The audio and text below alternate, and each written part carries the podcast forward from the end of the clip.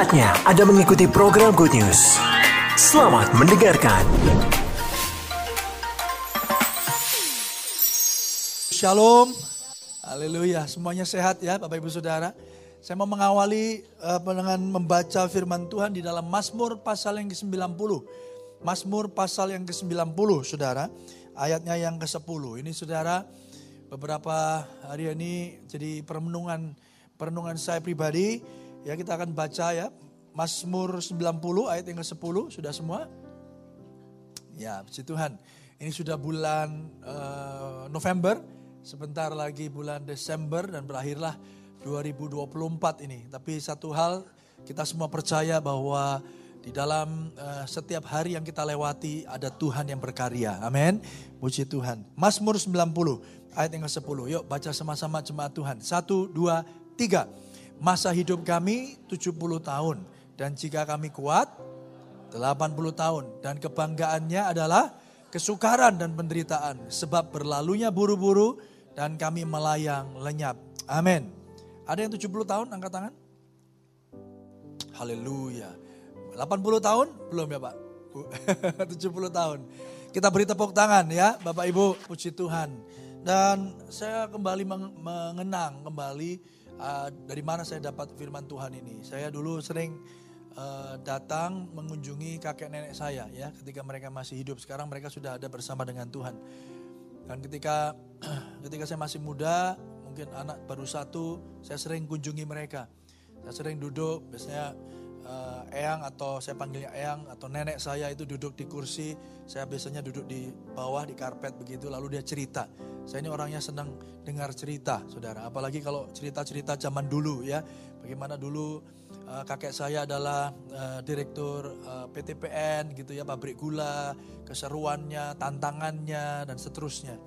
Nah, lalu biasanya nenek saya selalu memberi nasihat ya, kasih cerita, lanjut nasihat, ditutup dengan firman ya untuk nggak ada persembahannya udah ibadah saudara ya persembahan sama doa syafaat gitu ya Ya, tapi saya senang sekali ya. Dan salah satu ayat-ayat uh, favorit beliau adalah Mazmur 90 ayat yang ke-10 ini. Dikatakan manusia itu kalau kuat 70 tahun. Kalau ada ekstra 80 tahun. Ya, tapi di situ dikatakan kebanggaannya. Kebanggaannya bukan bukan harta yang banyak, uang yang banyak, mobil mewah, ya rumah rumah mewah, Saudara. Kebanggaannya adalah kesukaran dan penderitaan. Aneh ya? Luar biasa ya, kesukaran dan penderitaan. Sebab berlalunya buru-buru dan kami melayang lenyap. Ya, dan saya selalu ingat itu dan benar saudara oleh anugerah Tuhan uh, beliau sampai umur 86 tahun ya nenek saya tapi kakek saya uh, 90 sekian lebih hampir 96 atau 95 saya kurang hafal tapi semuanya itu oleh anugerah Tuhan dan seumur hidup mereka mereka jadi berkat buat hanya tidak hanya bagi anak-anak mereka tapi juga anak cucu bahkan sampai cicitnya. Saudara yang dikasih Tuhan, di sana diingatkan ayat yang ke-12. Oleh karena itu, ajarlah kami menghitung hari-hari kami sedemikian. Hingga kami beroleh hati yang bijaksana. Hidup ini cuma sementara Bapak Ibu Saudara. Ya, hidup ini cuma sebentar saja. Ya, berlalunya buru-buru. Ya, dan melayang lenyap. Singkat saja. Kemarin kami baru dari Jogja, kakak dari Ibu Gembala itu juga dipanggil pulang. Umurnya 79 tahun, ya orang tua dari uh, PDM BSKLD Mas. Sudah cepat saja, ya baru sakit seminggu yang lalu baru dijenguk karena sakit. Lalu satu minggu berpulang ke rumah Bapak. Saudara yang dikasih Tuhan, ajarlah kami menghitung hari-hari sedemikian supaya kami beroleh hati yang bijaksana. Lompat ayat 14, saudara, ini penting buat kita semua untuk masuk dalam akhir uh, tahun ini di sana dikatakan begini, kenyangkanlah kami di waktu pagi dengan kasih setiamu. Saudara, kita sering kali cari kenyang itu di mana? Cari kenyang itu di makanan, Pak. Ya, cari kenyang itu di apa namanya soto rawon, nasi goreng, burger, ya saudara. Ya.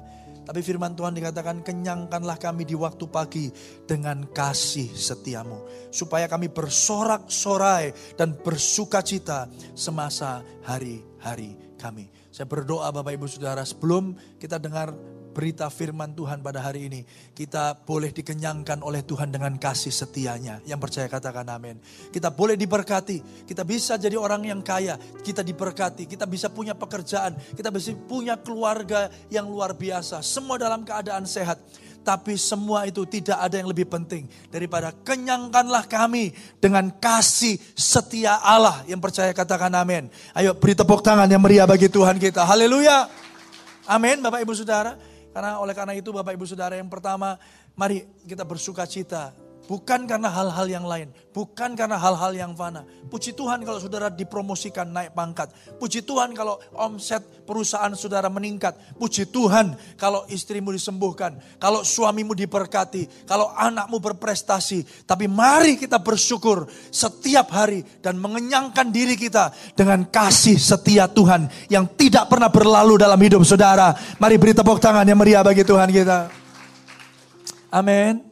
Puji Tuhan. Oleh karena itu Bapak Ibu Saudara, hal yang kedua yang saya mau sampaikan kepada jemaat Tuhan sebagai wakil gembala adalah mari juga kita bersyukur untuk orang-orang yang Tuhan taruh di sekitar hidup kita. Yang setuju katakan amin saudara. Kalau saudara punya istri, bersyukurlah untuk istri saudara. Ya, mungkin Bapak Ibu Saudara, waktu berlalu saudara, ya semuanya berubah. Tidak seindah warna aslinya. Saudara, tidak seperti dulu waktu IC uh, I do gitu kan saudara ya.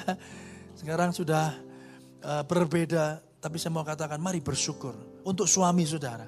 Mungkin tidak segagah dulu waktu saudara katakan ya bersedia untuk menjadi istrinya. Ya saudara, hari-hari ini Tuhan taruh mereka di samping saudara. Supaya kita bersyukur akan kasih setia Tuhan yang percaya katakan amin. Seberapa banyak kita hari ini saudara sudah mengucapkan ya aku mengasihimu kepada pasangan kita. Berapa banyak saudara setiap pagi ngomong I love you ma, I love you pak gitu. Jangan begini saudara, sudah tidak bernafas di depan depannya ma, aku sayang lu. Setelah saudara. Waktu hidup tidak pernah dipuji, waktu hidup tidak pernah dikasih I love you. Tapi waktu pulang ditangisi saudara. Anak-anak, dengar anak-anak. Berapa berapa sering kau berkata I love you kepada orang tuamu?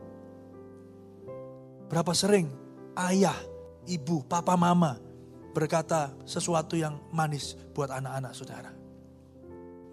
Halo, berapa sering saudara katakan I love you nak? Berapa sering saudara katakan aku bangga sama kamu? Bukan hanya ketika mereka berprestasi, tetapi ketika mereka mungkin sedang terpuruk, katakan aku tetap ayahmu. Apa yang aku bisa lakukan? Saudara yang dikasih Tuhan itu penting buat generasi ini yang setuju katakan amin, saudara. Saudara, ini nggak cuma omong doang. Gereja bukan cuma yang ada di awang-awang. Cuman bukan cuma soal dengar firman, tapi bagaimana saudara mempraktekkannya di dalam kehidupan saudara hari-hari. Bukan di kantor, bukan di gereja, bukan di pelayanan, di rumah saudara masing-masing. Yang setuju katakan amin. Ya. Dari seorang yang dulu waktu kecil nggak pernah dapat itu semua, saudara. Hari ini kami kami belajar, saya dan istri saya belajar untuk setiap hari mengutarakan rasa rasa kasih kami kepada pasangan. Setiap pagi cari tangannya, say I love you. Ya, istri saya juga ngomong gini, wes ngerti. Enggak, saudara. Jangan gitu ibu-ibu ya. Kalau saudara suaminya ngomong I love you, kasih tahu I love you too. Gitu. Atau I love you more gitu. Nanti suaminya balik I love you much more. Ya. Nanti istrinya I love you much much more sampai setengah sembilan pagi saudara. Nggak turun dari tempat tidur saudara ya. Tapi itu artinya kan saudara mereka ada di, di sekitar saudara untuk satu maksud. Supaya melalui hidupmu mereka boleh merasakan kasih Kristus yang nyata. Yang setuju katakan amin. Amin. Beri tepuk tangan dong bagi Tuhan kita. Bagaimana saudara bisa berkata Yesus itu baik kalau saudara suaminya sendiri nggak pernah menguji dia. Istrinya sendiri gak pernah berkata-kata berbuat baik kepada suaminya. Bagaimana orang tua, anak-anak bisa merasakan kasih Bapa kalau orang tuanya sendiri gak pernah ngomong sama anak-anaknya. Dengar baik-baik ini Bapak Ibu Saudara. Selagi ada kesempatan yang setuju katakan amin. Ya saudara, anak kita itu, kita semua ini punya namanya love language. Bahasa kasih. Ada yang bahasa kasihnya itu word of affirmation sebuah kata-kata penyemangat. Ya, kalau anak-anak kita modelnya yang seperti itu kasih semangat. Eh, kamu luar biasa. Ah, kak, kamu hebat loh, hebat. Wah, kamu gagah hari ini. Ya, semangat sekolahnya ya, gitu. Tapi ada anak-anak yang atau kita semua, kita semua saudara dan saya itu bahasa kasihnya itu give, pemberian. Ya, kalau dikasih sesuatu itu kayaknya terenyuh, ah, hatiku terharu. Gitu saudara ya. Padahal dibuka ya isinya cuman sambel. Ya, tapi saudara ada yang suka begitu. Ah, saya punya anak tiga, beda-beda semua love language-nya. Anak pertama suka word of affirmation, ya suka dipuji, juga ada physical touch, ya, suka dipeluk, saudara. Anak kedua beda. Anak kedua saya itu sukanya dikasih hadiah, ya. Jadi makanya saudara tidak cuma nunggu waktu Natal dikasih hadiah.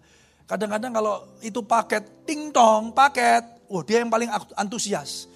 Dia katakan gini, ya ya boleh aku buka ya, boleh aku. Padahal itu paket paket cuman paket gitu. Kan paket sekarang dibungkus ya. Ya toko yang hijau atau tokonya yang merah kan dibungkus kan. Ya, apalagi kemarin sebelas sebelas. Wah, ibu-ibu ketawa semua. itu iya pak, Wah, jempol saya sampai sampai capek ya kan, semua belanja online ya sebelas sebelas. Saudara, anak saya senang dibuka gitu, eh dilihat dibuka, eh, oh isinya ini gitu.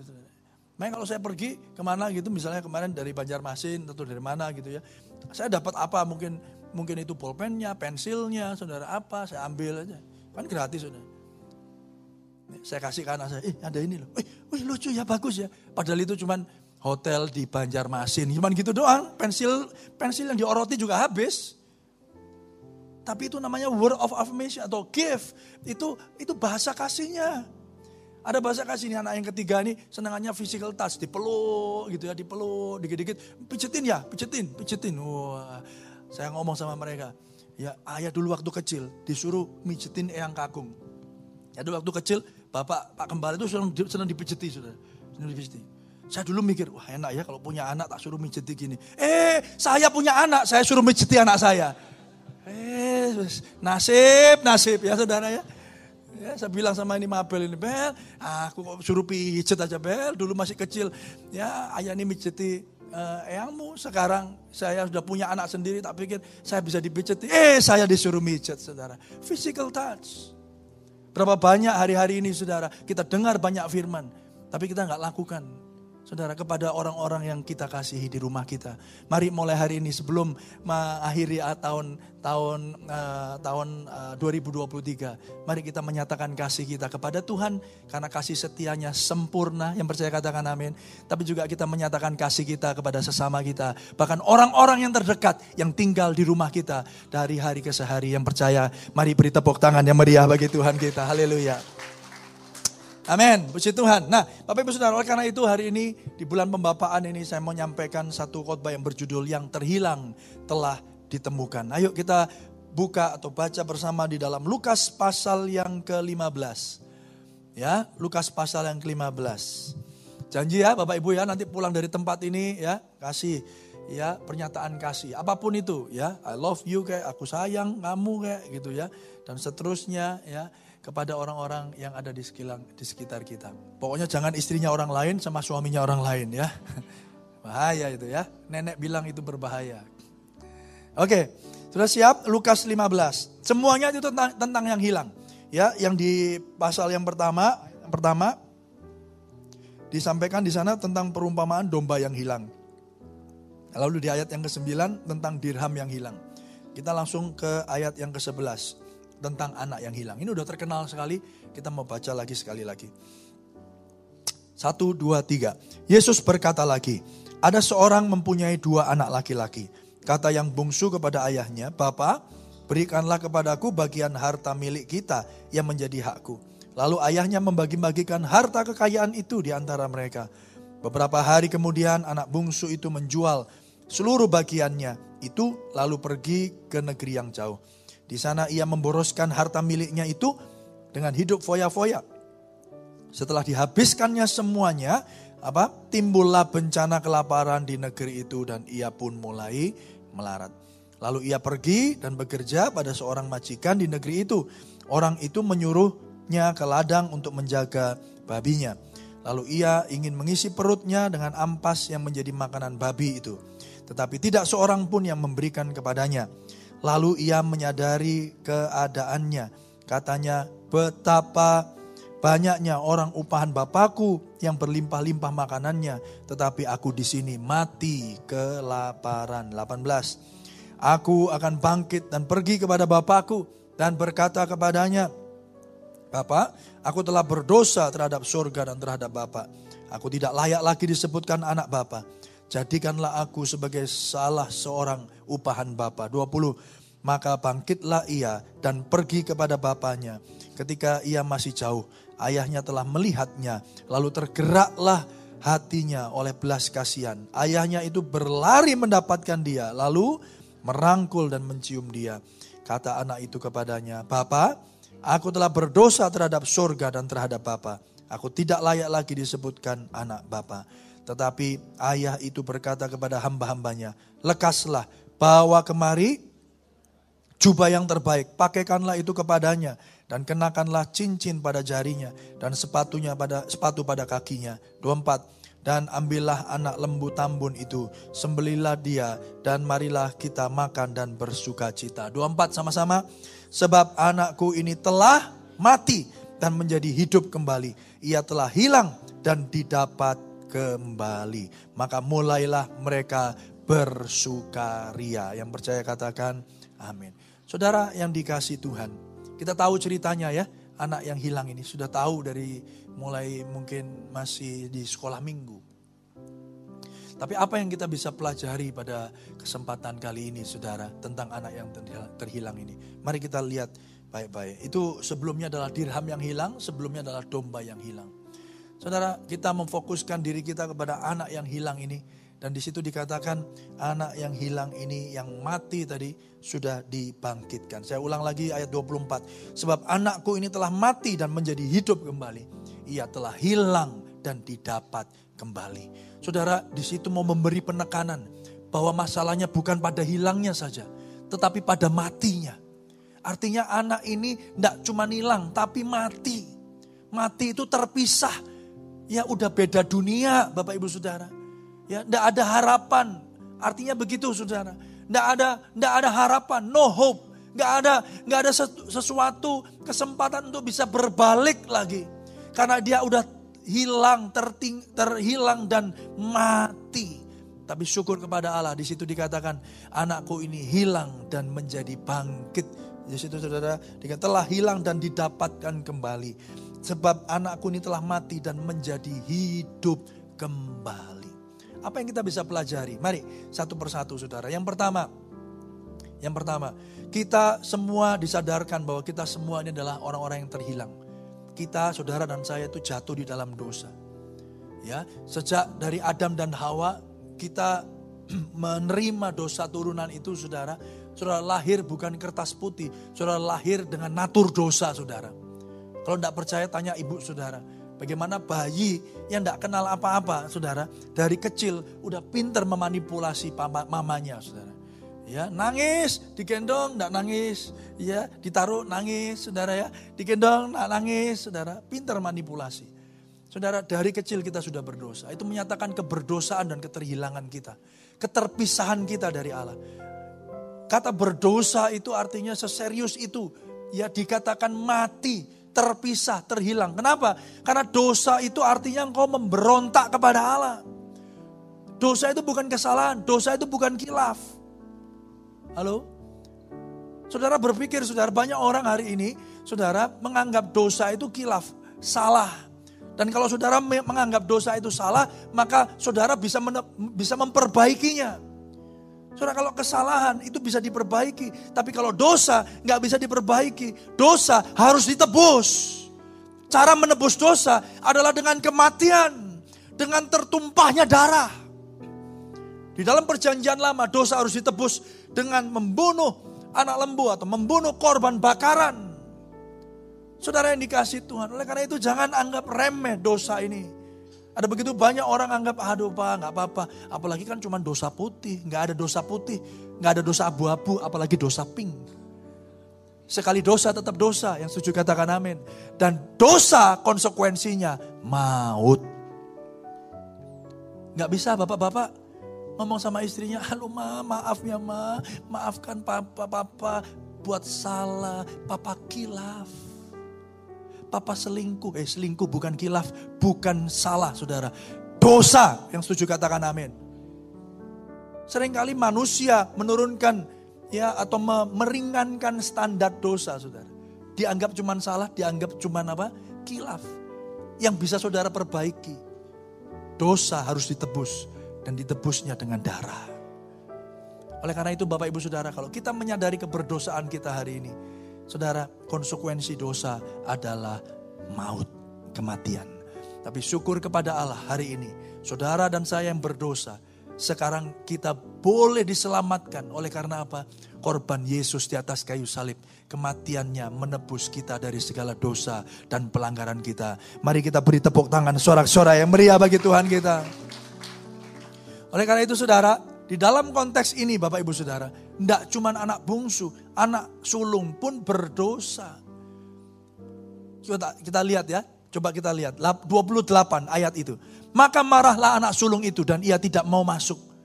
Ini waktu pesta dimulai, anak anak eh, lembu tambun itu dibakar saudara, dinikmati banyak orang, marah anak sulungnya. Lalu ayahnya keluar dan berbicara dengan dia. Tetapi ia menjawab ayahnya katanya, telah bertahun-tahun aku melayani Bapak dan belum pernah belum pernah aku melanggar perintah Bapak. Tetapi kepadaku belum pernah Bapak memberikan seekor anak kambing untuk bersuka cita dengan sahabat-sahabatku. Yang percaya katakan, amin. Semuanya tampak baik, saudara.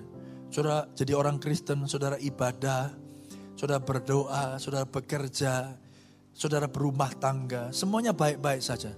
Sampai ketika masalah itu datang. Di situlah hati kita akan diuji. Dalam konteks ini anak sulung masalahnya, ujiannya apa Bapak Ibu Saudara? Adalah ketika adiknya yang murtad, adiknya yang sudah hilang, adiknya yang sudah dikatakan mati sama bapaknya itu. Kembali. Tapi diterima kembali oleh bapaknya. Di situlah hati dari kokonya ini, kakaknya ini terganggu. Mulailah, saya mau katakan, mulailah disingkapkan kondisi hati yang sebenarnya. Makanya Bapak Ibu Saudara, manusia kadang ngalami masalah, ngalami kesulitan, ngalami sakit penyakit. Hanya untuk menunjukkan satu hal, kondisi hatimu yang sebenarnya. Halo? Itu batu uji, itu ujian. Dalam konteks ini, akhirnya kondisi hati daripada anak sulung ini terbuka. Oh ternyata kamu selama ini dengan bapakmu ini modelnya transaksi. Aku kan nurut toh pak, aku ndak kayak adek loh. Ya adek itu kurang ajar pak, papa masih hidup dia minta warisan papa. Dia buat foya-foya habiskan kekayaannya dan akhirnya kembali ke sini. Tapi kok papa menerima dia kembali. Aku loh ada bersama dengan papa. Aku nurut apa mau kata papa. Aku nggak pernah melanggar semua aturan. Tapi pesta sekalipun aku nggak pernah diadakan. Saudara yang dikasih Tuhan, ternyata hubungan dengan bapaknya itu adalah sebuah hubungan yang transaksional. Hubungan yang transaksi. Aku taat supaya aku dapat, aku taat, aku dapat. Pertanyaannya begini, berapa banyak hari ini orang Kristen bersama dengan kepada Tuhannya. Ya ketika engkau beribadah, saudara, engkau memiliki hubungan yang sama. Nggak berpikir ini tentang hak dan kewajiban. Nggak berpikir ini tentang transaksi. Tuhanku yang baik. Aku sudah melakukan semuanya. Aku sudah melakukan persembahanku. Aku sudah melayani Tuhan. Aku sudah baca Alkitab dari sampul depan sampai sampul belakang. Bukan sampul depan dan sampul belakang. Bukan saudara. Aku sudah selesaikan baca ayat firman Tuhan. Sekarang izinkan aku meminta hakku. Apakah itu saudara? Bagaimana kita datang kepada Tuhan dengan penuh transaksi, dengan dengan penuh apa namanya saudara intrik seperti anak sulung ini. Nggak ketahuan sih ketika nggak ada masalah, ketika semuanya baik-baik saja. Pas ada masalah ketika anak bungsu ini kembali, hatinya mulai terusik. Dia marah, dia nggak terima. Saudara, bukankah itu penggambaran kita sering kali sebagai anak Tuhan? kita menganggap Tuhan itu cuma berguna, tapi tidak berharga. Saudara yang dikasih Tuhan. Oleh karena itu Bapak Ibu Saudara, anak sulung itu ditemukan hanya bertransaksi dengan bapaknya untuk memperoleh sesuatu. Kadang kita juga loh Bapak Ibu Saudara. Kita ini rajin. Kita ini bekerja bagi Tuhan. Karena apa? Karena ada maunya. Karena takut. Ancamannya neraka bos. Makanya kalau minggu aku di gereja. Perkara di luar hari minggu aku di mana? Oh, itu urusan lain. Tapi yang minggu yang jelas aku di gereja. Kenapa? Oh, buat Tuhan. Tapi hari Senin di panti pijat, saudara. Di tempat-tempat maksiat. Saudara yang dikasih Tuhan, kita cuma bertransaksi dengan Tuhan. Itulah bedanya orang yang beragama, saudara. Dan orang yang didasarkan oleh kuasa Injil. Timothy Keller ngomong begini Bapak Ibu Saudara. Cara kerja agama. Bukan berarti agama itu jelek saudara. Tapi beragama sering kali itu jadi jebakan buat kita. Saudara, jika aku taat, maka Tuhan akan mencintai dan menerima aku. Jika aku rajin, ya, jika aku tekun, Tuhan akan memberkati aku. Saudara, itu cara kerja agama. Tapi hari ini saya mau katakan berita baiknya saudara. Di dalam Injil, ini yang terjadi. Aku dicintai. Sebelum saudara melakukan sesuatu, sebelum saudara perform, sebelum saudara datang pagi-pagi untuk cek log, sebelum saudara ketemu dengan supervisor saudara, ya kalau saya menganalogikan pekerjaan saudara, sebelum saudara dinilai, ya di appraisal sama atasan saudara, Saudara kita semua ini adalah orang-orang yang sudah dicintai dan diterima oleh Allah. Oleh karena itu kita rindu untuk taat. Yang percaya katakan amin. Jadi bukan taat untuk menerima, tetapi karena sudah terima, kita rindu untuk taat. Amin. Beda kan Bapak Ibu Saudara? Beda. Yang satunya transaksi, yang satunya didorong oleh rasa kasih dan ucapan syukur. Satunya aku udah beli, ya kamu jual aku beli, sekarang aku minta bagianku, tapi satunya saudara, saudara enggak melakukan apa-apa, saudara menerima sebagai bentuk balasannya, saudara meresponinya dengan ucapan syukur.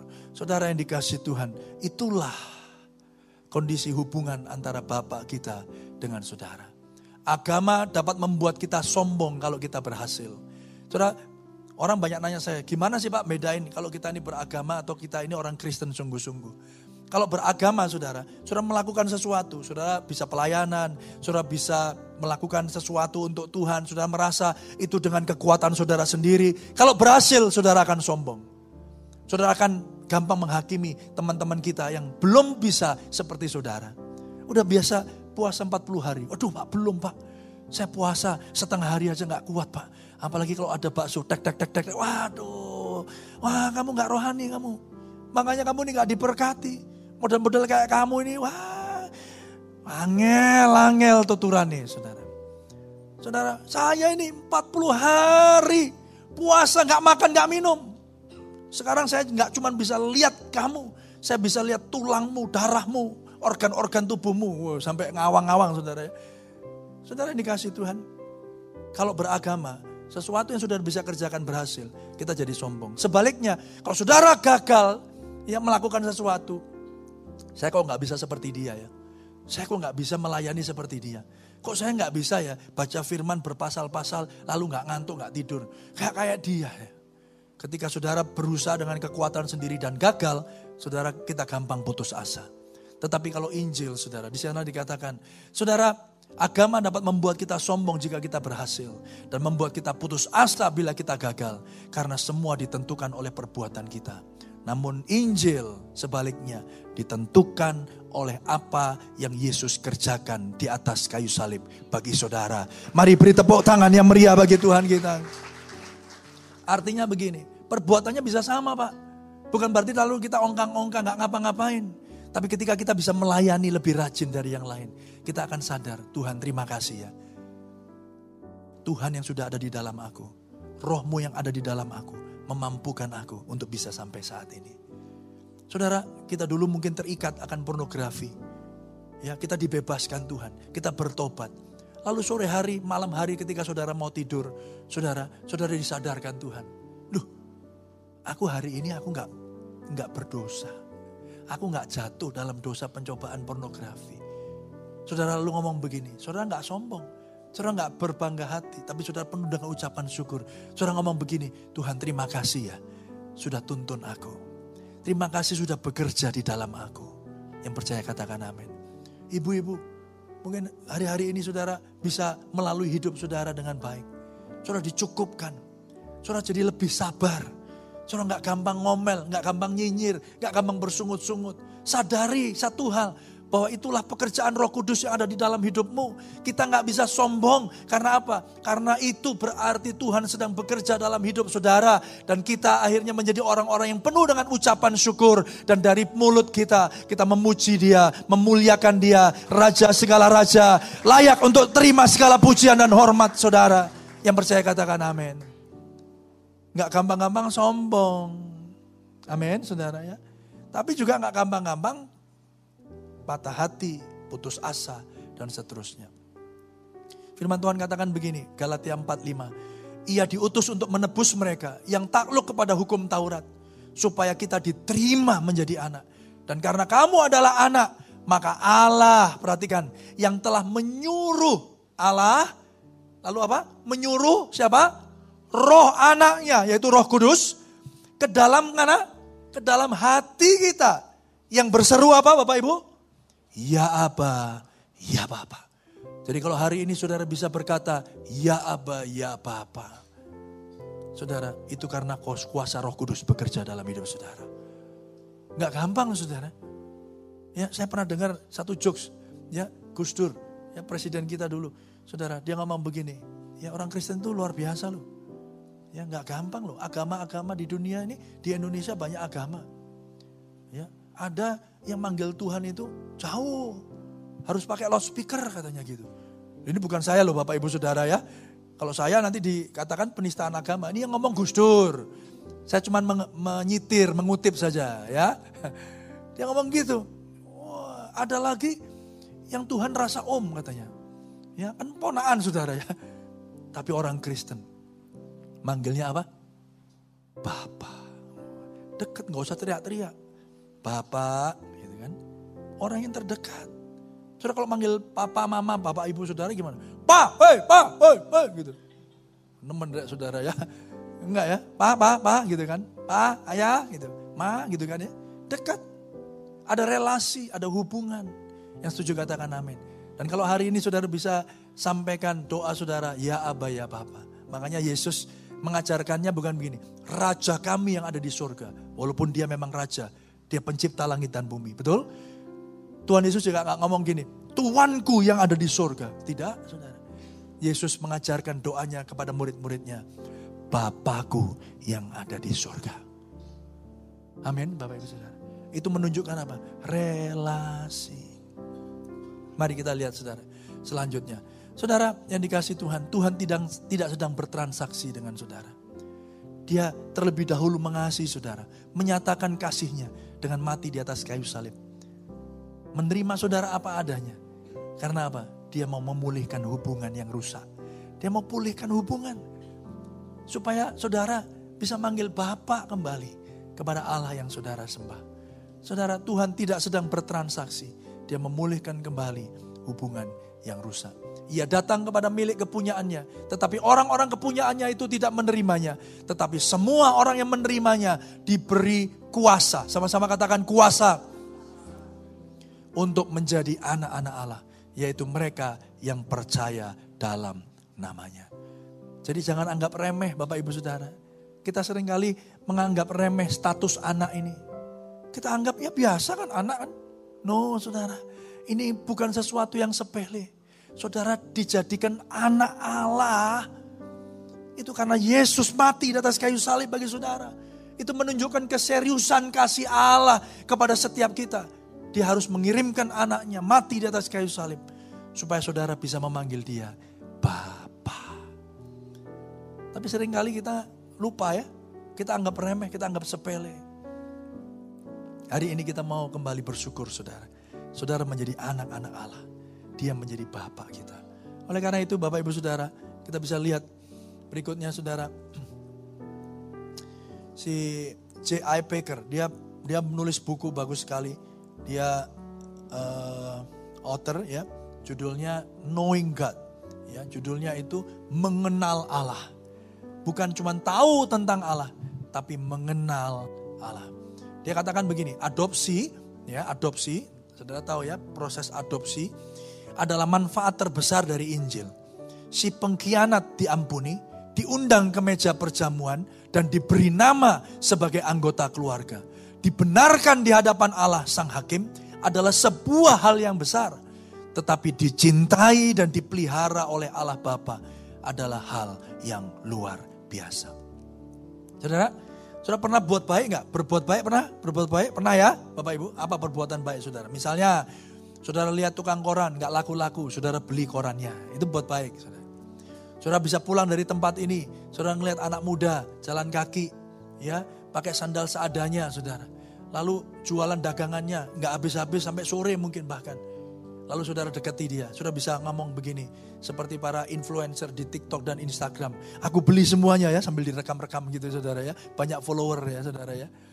Ya, enggak, saudara nggak perlu direkam saudara. Saudara buat baik, saudara beli aja semua kerupuknya, masukkan ke bagasi, ya kasih. Udah nak, kamu pulang sekarang. Bisa buat baik nggak? Bisa.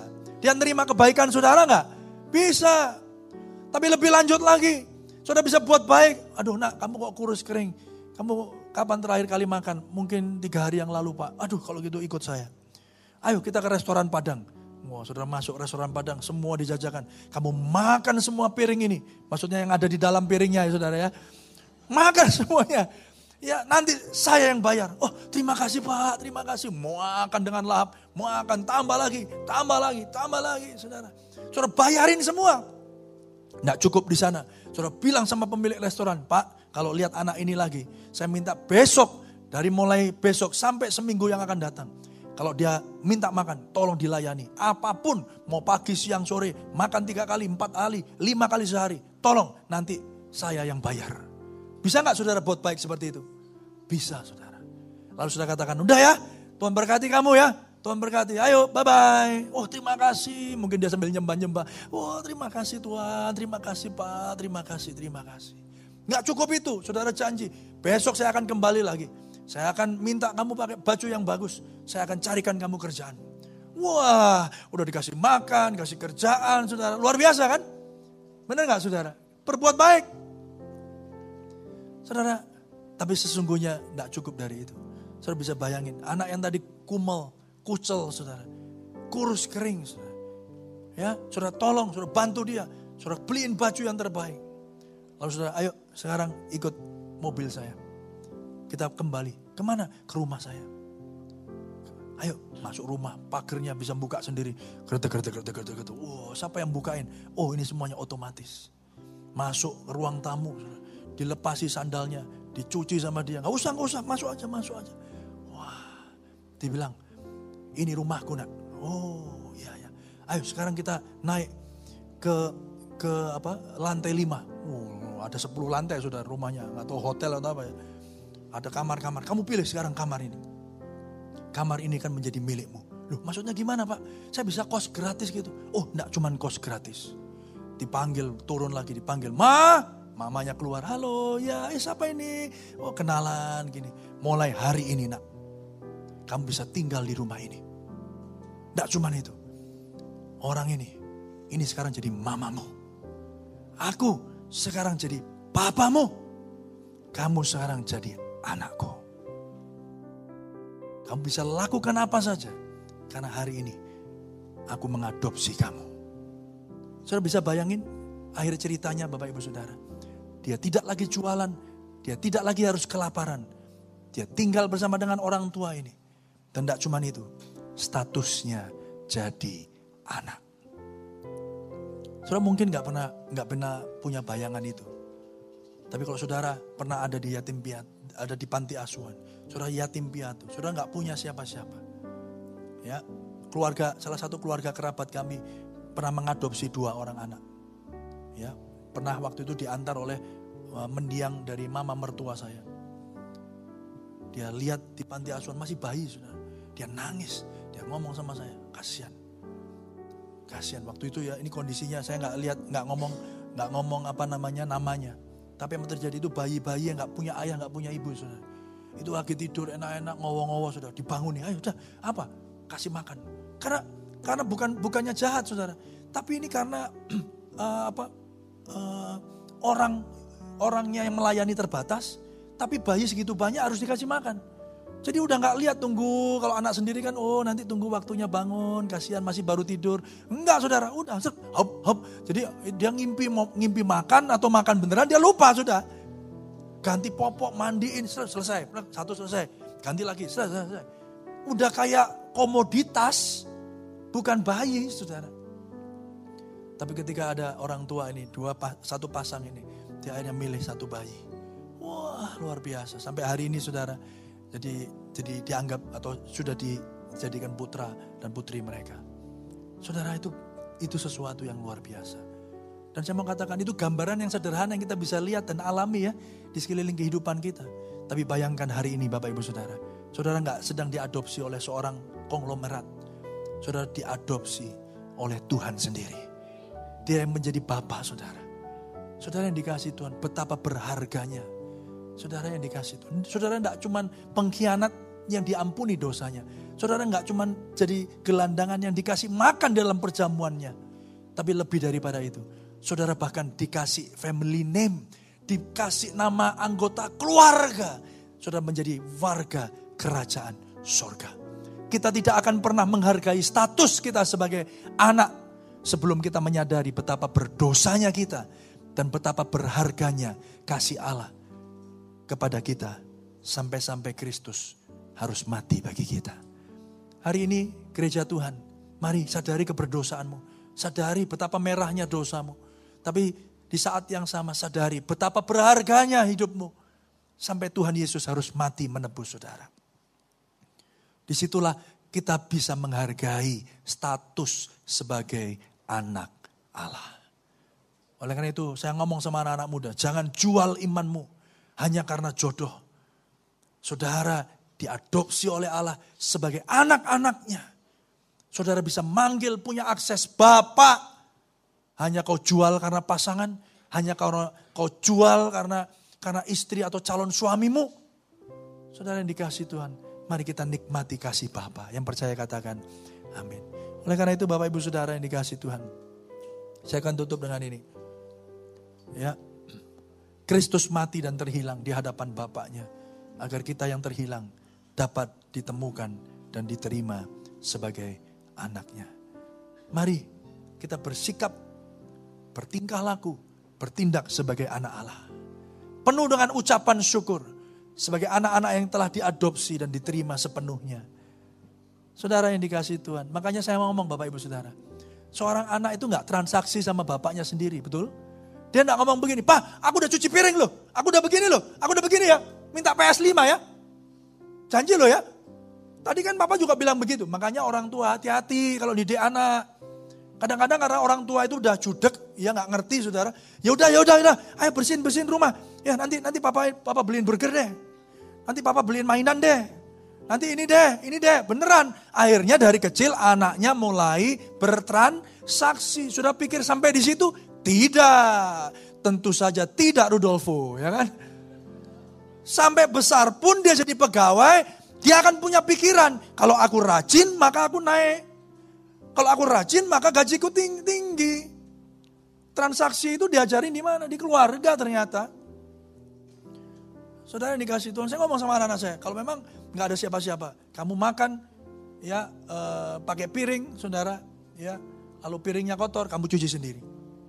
Saya nggak janji, nanti tak kasih permen ya. Saya harus modal permen berapa saudara kalau mereka tiap hari cuci piring. Benar nggak saudara ya? ya? Makanya anak saya pinter saudara, nggak mau pakai piring saudara. Ya, mau pakai yang itu apa eh, kertasnya yang dari dari Gojek itu ya saudara, makannya di situ aja. Ya, terserah saya bilang gitu. Yang penting pokoknya kamu makan. Ya kan? Ada lagi yang di TikTok itu pinter saudara. Piringnya, ya, gelasnya, sendoknya dikasih plastik wrap itu saudara. Ya, lalu dikasih makanan di situ selesai, plastiknya diambil, sendoknya plastiknya dibuka, ya, sak gelasnya bayangin saudara, gelasnya di plastik wrap, selesai bersih lagi saudara ya. Ya itu bukan cerdik, itu rotok males saudara ya. Kita nggak bertransaksi dengan Tuhan kita. Makanya kalau doa kita tenang aja. Bapak kami yang ada di sorga. Apa? Datanglah kerajaanmu, jadilah kehendakmu. Kita tahu Bapak itu tahu yang terbaik buat anak-anaknya. Yang setuju katakan amin. Tidak usah minta-minta, tidak usah klaim-klaim. Benar nggak Bapak Ibu Saudara? Kenapa Bapak Ibu Saudara? Apa yang Bapak punya, anak punya. Halo? Benar nggak Saudara? Saya kalau ma masuk ke rumah Bapak saya, ya satu dan lain hal, mobil saya rusak atau gimana Saudara, saya masuk aja. Set, saya cari kunci, kalau memang ada kunci, ya kunci mobilnya, ya saya ambil kunci mobil. Saya bilang, Pak, aku pinjam mobilnya ya. Dia nggak akan dia nggak akan ngomong gini, tulis proposal dulu. Nggak akan saudara. Oh mau ke mana? Oh saya mau nganter anak. Oh ya, bawa aja. Bener nggak bawa saudara? Tapi kita kan orang Kristen kayak gini kan. Klaim janji Tuhan. Klaim minta sama Tuhan. Ngapain klaim, klaim, klaim, klaim. Apa yang Bapak punya, anak punya. Nikmati apa yang Bapak punya dan syukuri statusmu karena sesungguhnya kita ini orang luar, hari ini kita jadi dekat, dulu jauh, sekarang dekat, dulu kita mati, sekarang kita dihidupkan oleh kasih setia Tuhan yang tidak berlalu dalam setiap hidup kita yang percaya katakan amin. Yang yang setuju katakan amin, Saudara. Oleh karena itu mari nikmati kasih Bapa hari ini bersama dengan Dia selama-lamanya. Oleh karena itu Saudara pada akhirnya ayat firman Tuhan ngomong begini. Ayat 31 32. Kata ayahnya kepadanya, "Anakku, engkau selalu bersama-sama dengan aku dan segala kepunyaanku apa? Adalah kepunyaanmu." Ngapain kamu rewel? Ngapain kamu cuman iri hanya gara-gara karena lembu kecil apa anak lembu tambun ini? Padahal kamu tahu, tidak cuman anak lembu tambun, sak mbok-mbok kabeh pun itu punyamu mau mbok sate kayak, mau mbok rica-rica kayak, ya bebas. Kamu tidak pernah minta aja. Paham Bapak Ibu Saudara? Diceritakan bapaknya ngomong ngapain? Karena segala kepunyaanku adalah kepunyaanmu. Kita patut bersuka cita dan bergembira karena adikmu telah mati dan menjadi hidup kembali. Ia telah hilang dan didapat kembali syukur kepada Allah. Yang percaya katakan amin.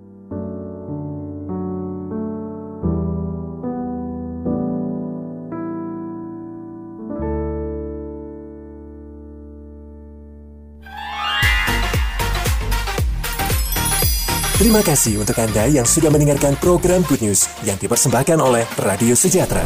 Untuk Anda yang rindu mendapatkan layanan konseling dan dukungan doa, silakan menghubungi hotline 0812 33 33 6392. Para konselor dan para pendoa Diaspora Sejahtera Caring Ministry siap untuk melayani Anda. Tuhan Yesus memberkati.